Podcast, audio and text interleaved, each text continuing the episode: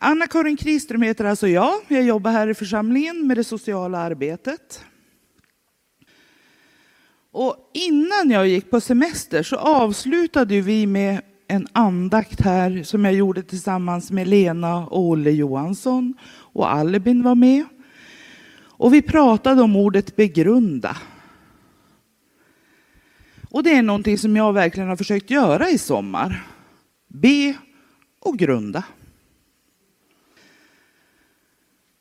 Ofta så får jag höra att jag har en barnslig tro på Jesus.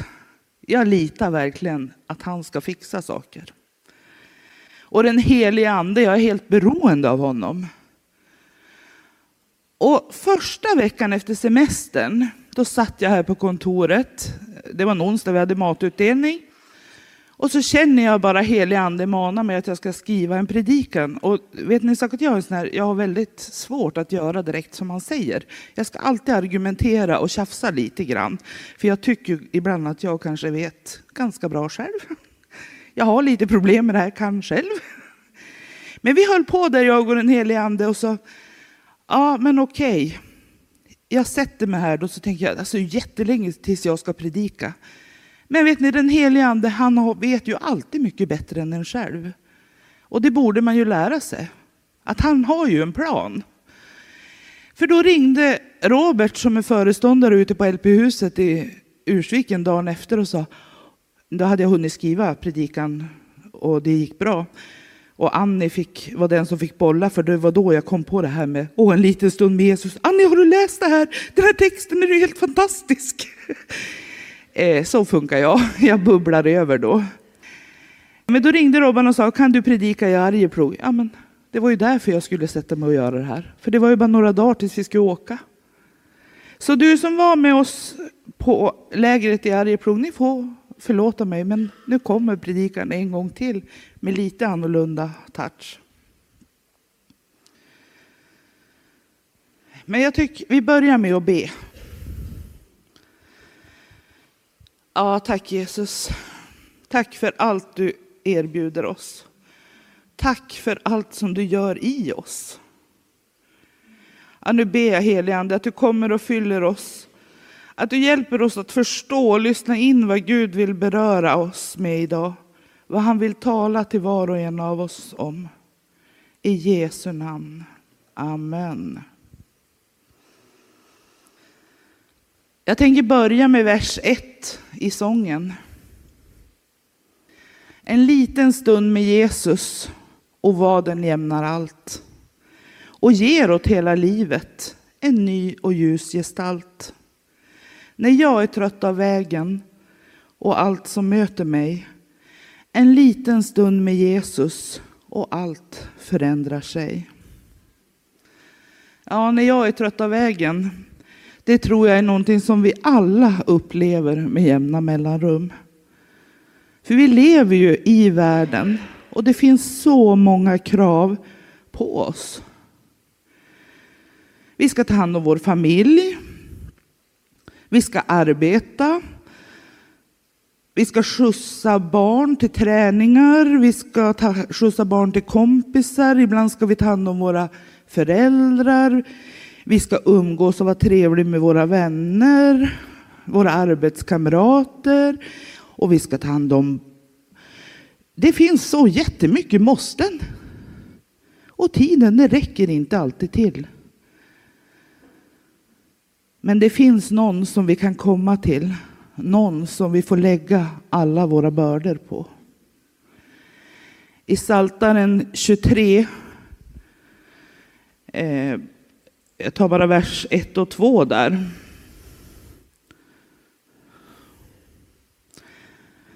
Herren är min herde, mig ska inget fattas. Han låter mig vila på gröna ängar. Han för mig till vatten där jag finner ro. Han ger liv åt min själ. Han leder mig på rätta vägar för sitt namns skull. När jag gick på semester det här året, då var jag faktiskt trött. I mitt jobb så möter jag väldigt många människor. Människor som har problem, som har behov av att få prata. Jag möter människor som lever i missbruk. Jag möter människor som har fått fly från sitt hemland, lämna alla sina saker och all sin trygghet. Jag möter människor som hamnar mellan stolarna när de har blivit sjuka. Och jag träffar väldigt många vanliga Svenssons. Jag måste bara säga att jag har världens bästa jobb, så är det bara. Men samtidigt så tror jag inte jag skulle orka om jag inte fick ha den här lilla stilla stunden med Jesus.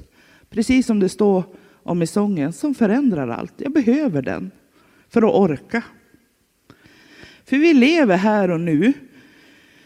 Vi lever i en värld som är prövande. Som är hård. Ofta kall. Vi ser människor som lever i misär. Varje dag, om vi tittar på nyheterna, så ser vi om skjutningar, vi ser om krig, vi ser om fattigdom. Och man får passa sig. När man träffar så många som behöver hjälp, eller hör talas om så många som behöver hjälp, så är det så lätt att hjärtat blir hårt. Men då får man verkligen söka sig nära Jesus. För Jesus han formar en. Han slipar på oss och han hjälper oss att bli mer och mer lik honom. Han visar oss nya människor som accepterar en för den man är och Jesus kärlek. Han ger dig bara kärlek och han bygger upp dig. Han lär dig att bli mer och mer lik honom. I Matteus 11 och vers 29 så står det. Nu bläddrar jag så att ni ska ha tid att bläddra i era biblar också.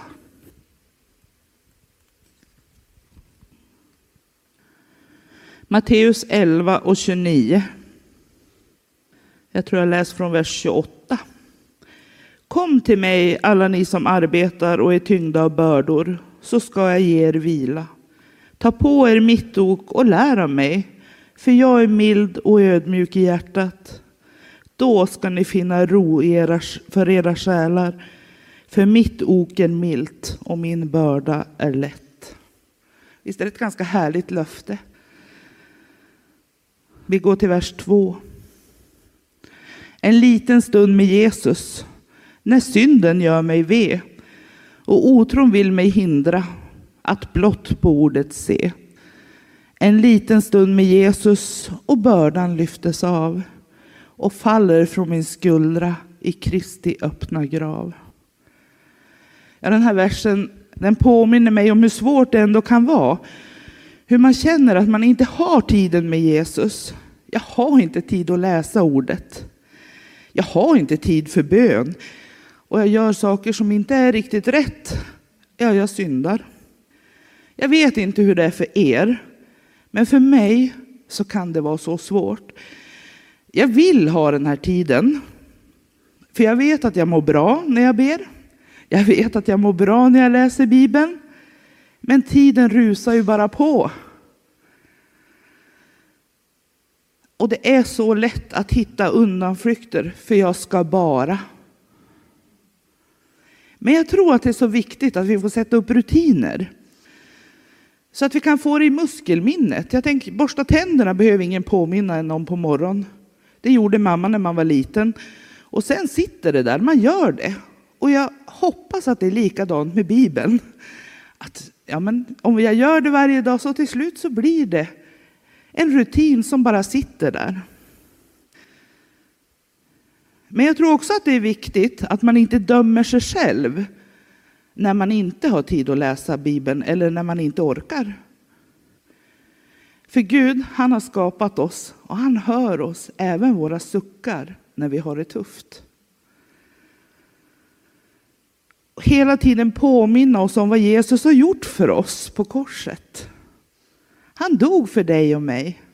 Han dog för våra synder och för våra sjukdomar hela tiden får påminna oss om hur mycket han älskar oss och hur mycket han längtar att få umgås med oss.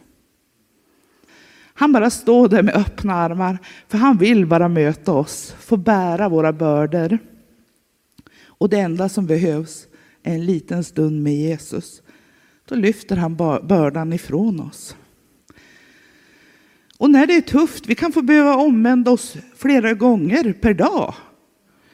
För vi kan alltid bara vända oss till Jesus och säga, ja men okej, jag följer dig. Och jag tänker att om man är på väg så måste man hela tiden ha kompassen rätt inställd. För om jag ställer kompassen bara en grad fel så hamnar jag ju helt fel i slutändan. Så det är så viktigt att alltid ställa in kompassen, ställa in den på Jesus, på korset. Så att vi går rätt.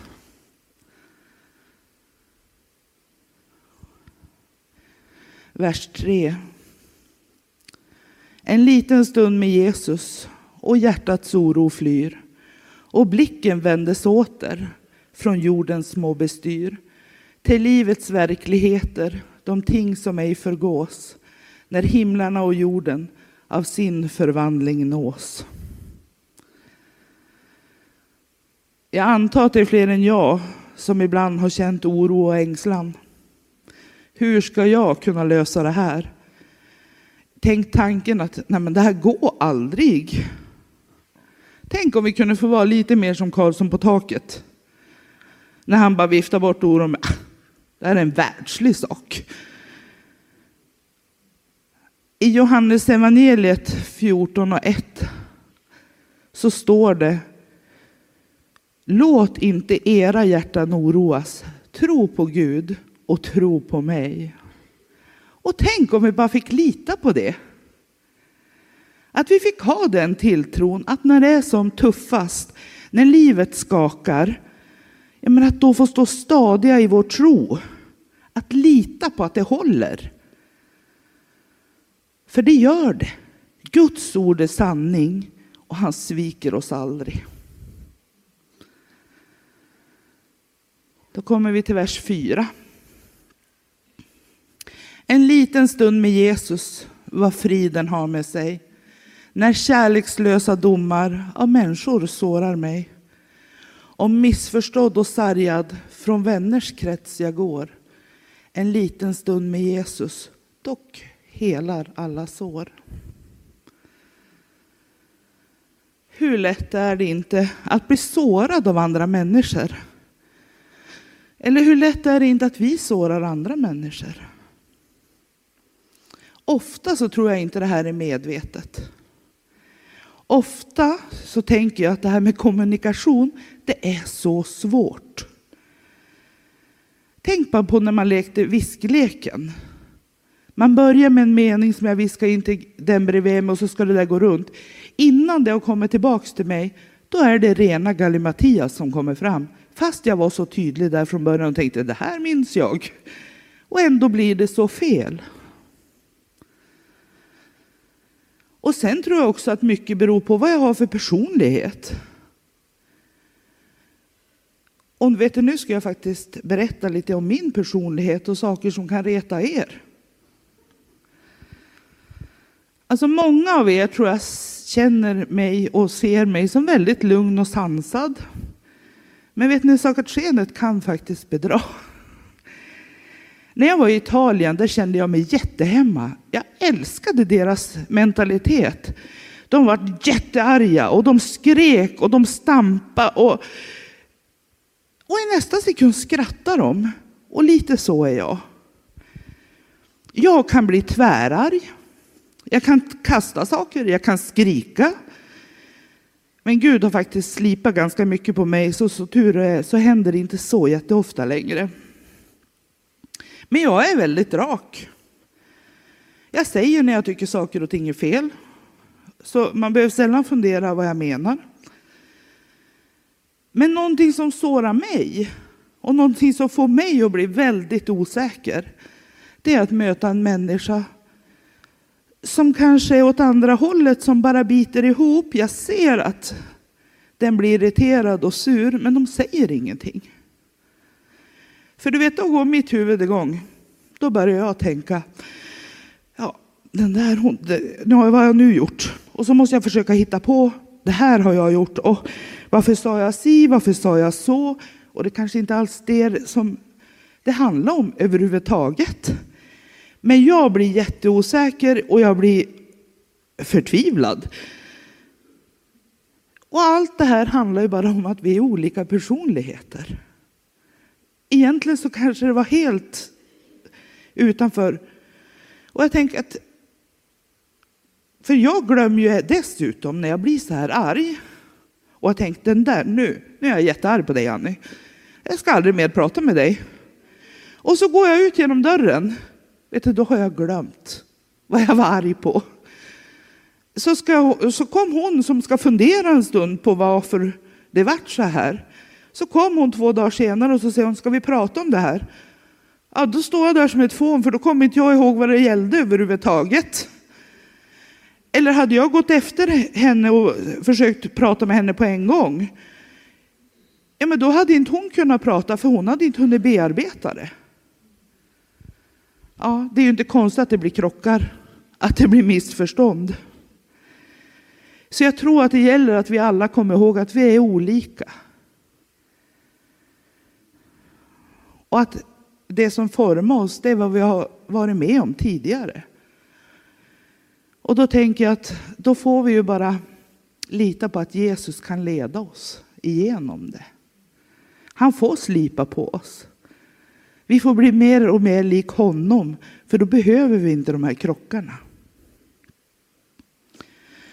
Sen är det ju också så lätt att man kommer med en dömande kommentar utan att kanske ens ha tänkt på det. Men tänk på Jesus när han var i templet för att undervisa. Då de kom dit, de här skriftlärda och fariseerna kom dit med kvinnan som hade begått äktenskapsbrott. De ställde henne i mitten. Och jag tänker, när jag ser bilden framför mig så ställde de henne i mitten bara för att kunna döma och peka finger åt henne. Så här gör man inte. Och Jesus, vad gjorde han? Ja, men han satt lugnt där på marken, ritade på fingret i marken och var ganska obrydd, tror jag. Och när de fortsätter att pressa honom och tala om att ja, men du vet ju, den, här, sånt här det ska man stenas för. Och han bara fortsätter att sitta där lugnt och sansat. Och så säger han bara så här. Ja men alltså den, som, den av er som utan synd får kasta första stenen.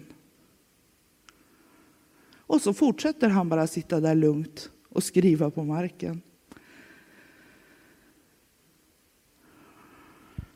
Ja, finns det någon här som är utan synd? Ja, inte jag i alla fall. Så jag kan inte kasta den där första stenen. Men det viktigaste tycker jag i den här berättelsen, det är vad han gör sen. När alla, kvinnor och, när alla människor har gått och bara kvinnan är kvar. När han bara säger till henne, inte jag heller dömer dig. Gå och synda inte mer. Så han dömer inte. Men han säger att vi behöver fundera på hur vi lever våra liv. Vi behöver omvända oss. Vi behöver den här lilla stunden med Jesus. Stunden som kan läka alla sår.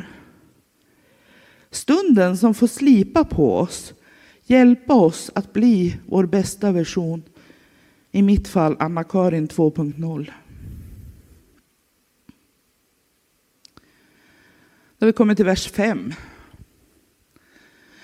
En liten stund med Jesus, vad kraften har med sig. Vad lusten ger att vandra på Herrens vilja stig. Vad moden ger att leva och lida för hans namn. En ljuvlig försmak redan av vilan i hans famn. Jag tror att har du inte mött Jesus redan, då är det svårt att förstå vilken otrolig kraft det är i det här namnet. Namnet Jesus. I Filipperbrevet 4 och 13 där kan vi läsa att allt förmår jag i honom som ger mig kraft. Allt, det är mycket det. Det är inte bara lite förmår jag, utan allt förmår jag i honom. Vad ger dig kraft? Vad är det som får dig att orka? Har du fått känna vad ett liv med Jesus kan innebära? Har du känt av att du har fått mod? Mod att leva, ja, och även lida för hans namns skull. Det är en väldigt speciell känsla när man är på LP-läger. Där så många har fått känna av den här kraften. Många som liksom den här kvinnan har fått upprättelse i sitt liv. De har fått återknyta kontakten med barn, med anhöriga. Och de har fått förlåtelse. De har fått lämna det gamla bakom sig och bara fått vila i namnet Jesus. Ja, det är en mäktig känsla att vara där mitt ibland det. Och nu närmar vi oss landning för nu är det bara sista versen kvar. Så giv mig, kära Herre, ja, giv mig ofta då, en liten stund med Jesus i hemmets tysta vrå. Mitt hjärtas djupa längtan är denna enda blott, en evighet med Jesus och allt, ja, allt är gott. Så härligt. Tänk vad en liten stund med Jesus kan göra. Men här kan ju Bamses dunderhonung bara kasta sig i väggen. Alla lyckopiller, alla droger, allt som håller dig på fötter kan kasta sig i väggen. För en liten stund med Jesus, det är rena mirakelmedicinen. Och tänk, det finns tillgängligt för alla. Och det finns inga biverkningar. Ja, jo, det finns kanske en. Man blir förändrad. Men jag lovar det, det är till det positiva. Man blir förändrad. Så finns du här idag som inte har fått känna Jesu kärlek. Som inte har hunnit fått känna kraften i Jesus. Inte har fått ha den här lilla stunden med Jesus. Kom ihåg att det här är inte för bara några få utvalda. Utan det här är för alla. Jesus, han vill möta dig idag. Vad du än har gått igenom, vars du än står i livet. Det enda som behövs det är att du säger ditt ja till honom. I Romarbrevet 10 och vers 9 så står det För om du med din mun bekänner att Jesus är Herren och i ditt hjärta tror att Gud har uppväckt honom från de döda ska du bli frälst. Och det här är så viktigt. Det är så lätt i hjärtat att känna, ja, det här, det vill jag ha. Men oftast är det inte lika lätt att tala om att jag tror på Jesus. Jag tror att man kan vara rädd för att bli dömd, utpekad, utskrattad. Men om du finns här idag, eller om du ser på oss på Youtube, som vill ta det här steget, så bekänn att du vill följa Jesus, att han får vara Herre i ditt liv. Då ska ni då få möjligheten att läsa frälsningsbönen tillsammans med mig. Och jag tänker vi kan väl läsa den allihop tillsammans. Jesus, jag kommer nu till dig. Förlåt min synd. Jag tar emot dig som Herre och Frälsare.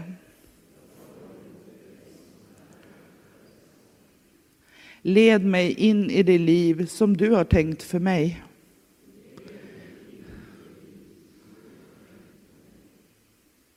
Jesus, jag ger hela mitt liv till dig. Och jag tackar dig för att du gav dig ditt för mig.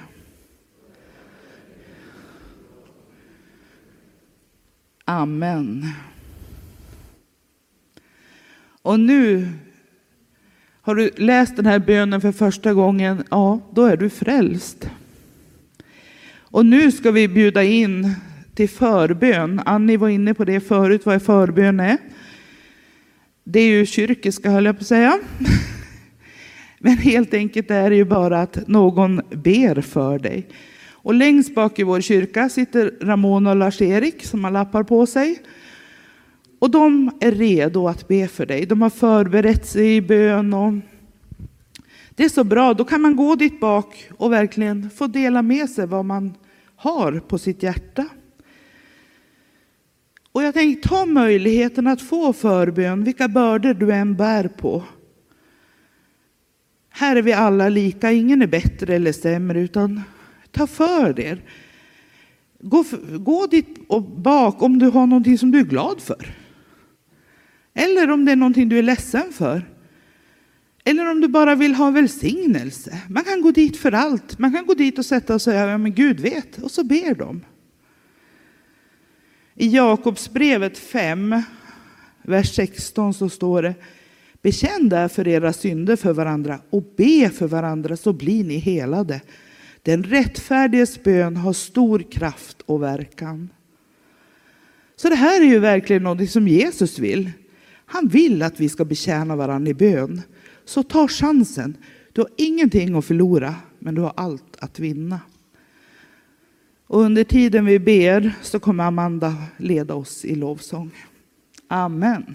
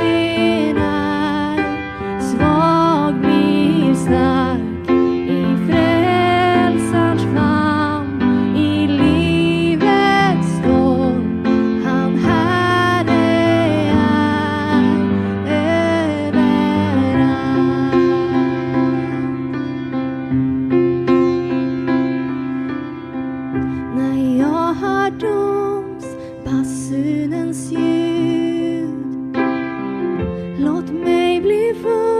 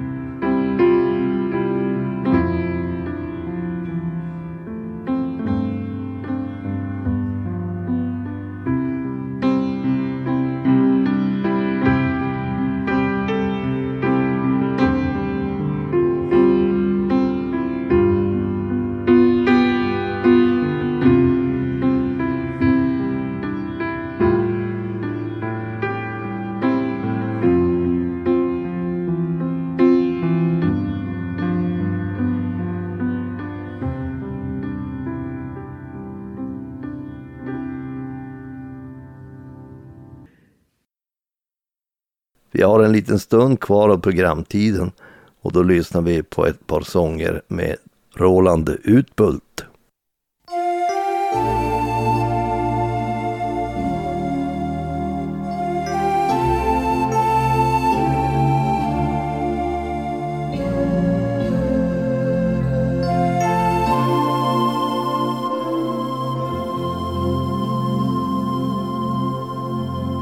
När du far över stormiga hav och din tro känns så oerhört svag. Det finns en som alltid är med dig. Han vill föra dig till en trygg och säker hamn. Och han är din far. Han är en så förstående Gud.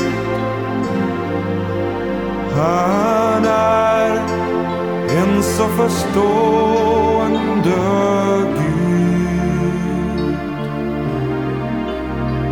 Han vill nå dig och förlåta. Han är en så förstående Gud. Om ditt liv kommit helt ur sin kurs. Om i människors ögon du är dömd.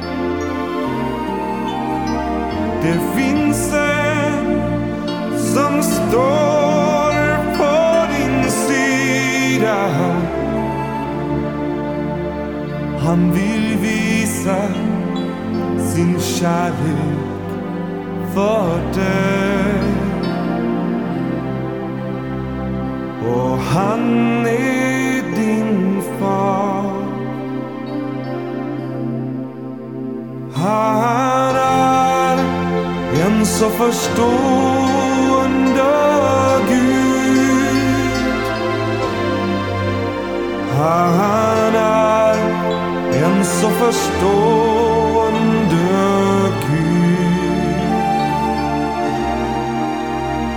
Han vill nå dig och förlåta.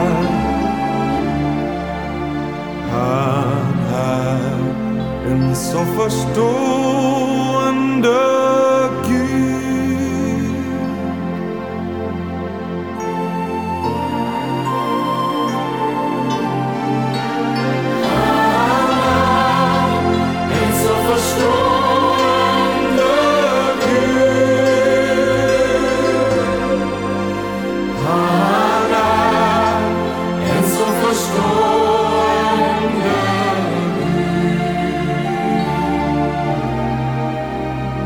Han vill nå dig och förlåta.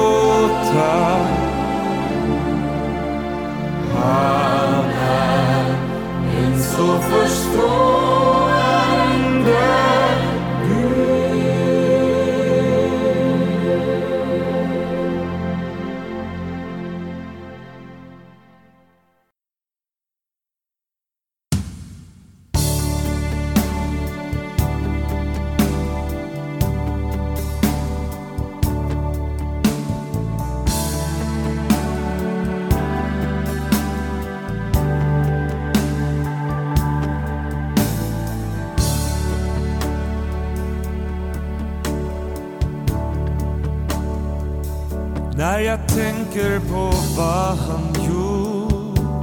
genom tider som gått Hur han vandrat med sitt folk och hjälpt dem genom allt När jag ser på mitt eget liv kan jag se Guds hand.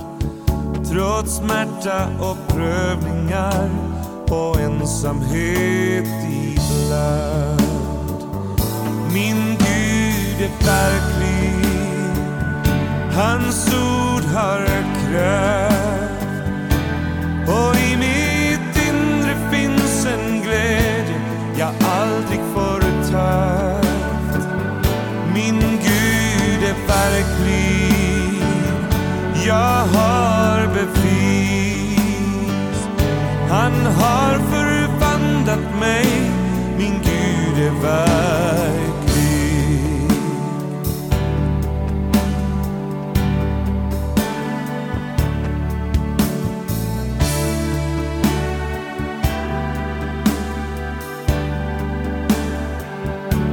Jag ser på hans skapelse. Allt som han tänkt ut För att ge oss harmoni med hela vår natur. Men det största under som finns Det gavs på ett kors. När döden förvandlas till liv och skulden lyftes bort. Min Gud är verklig, han såg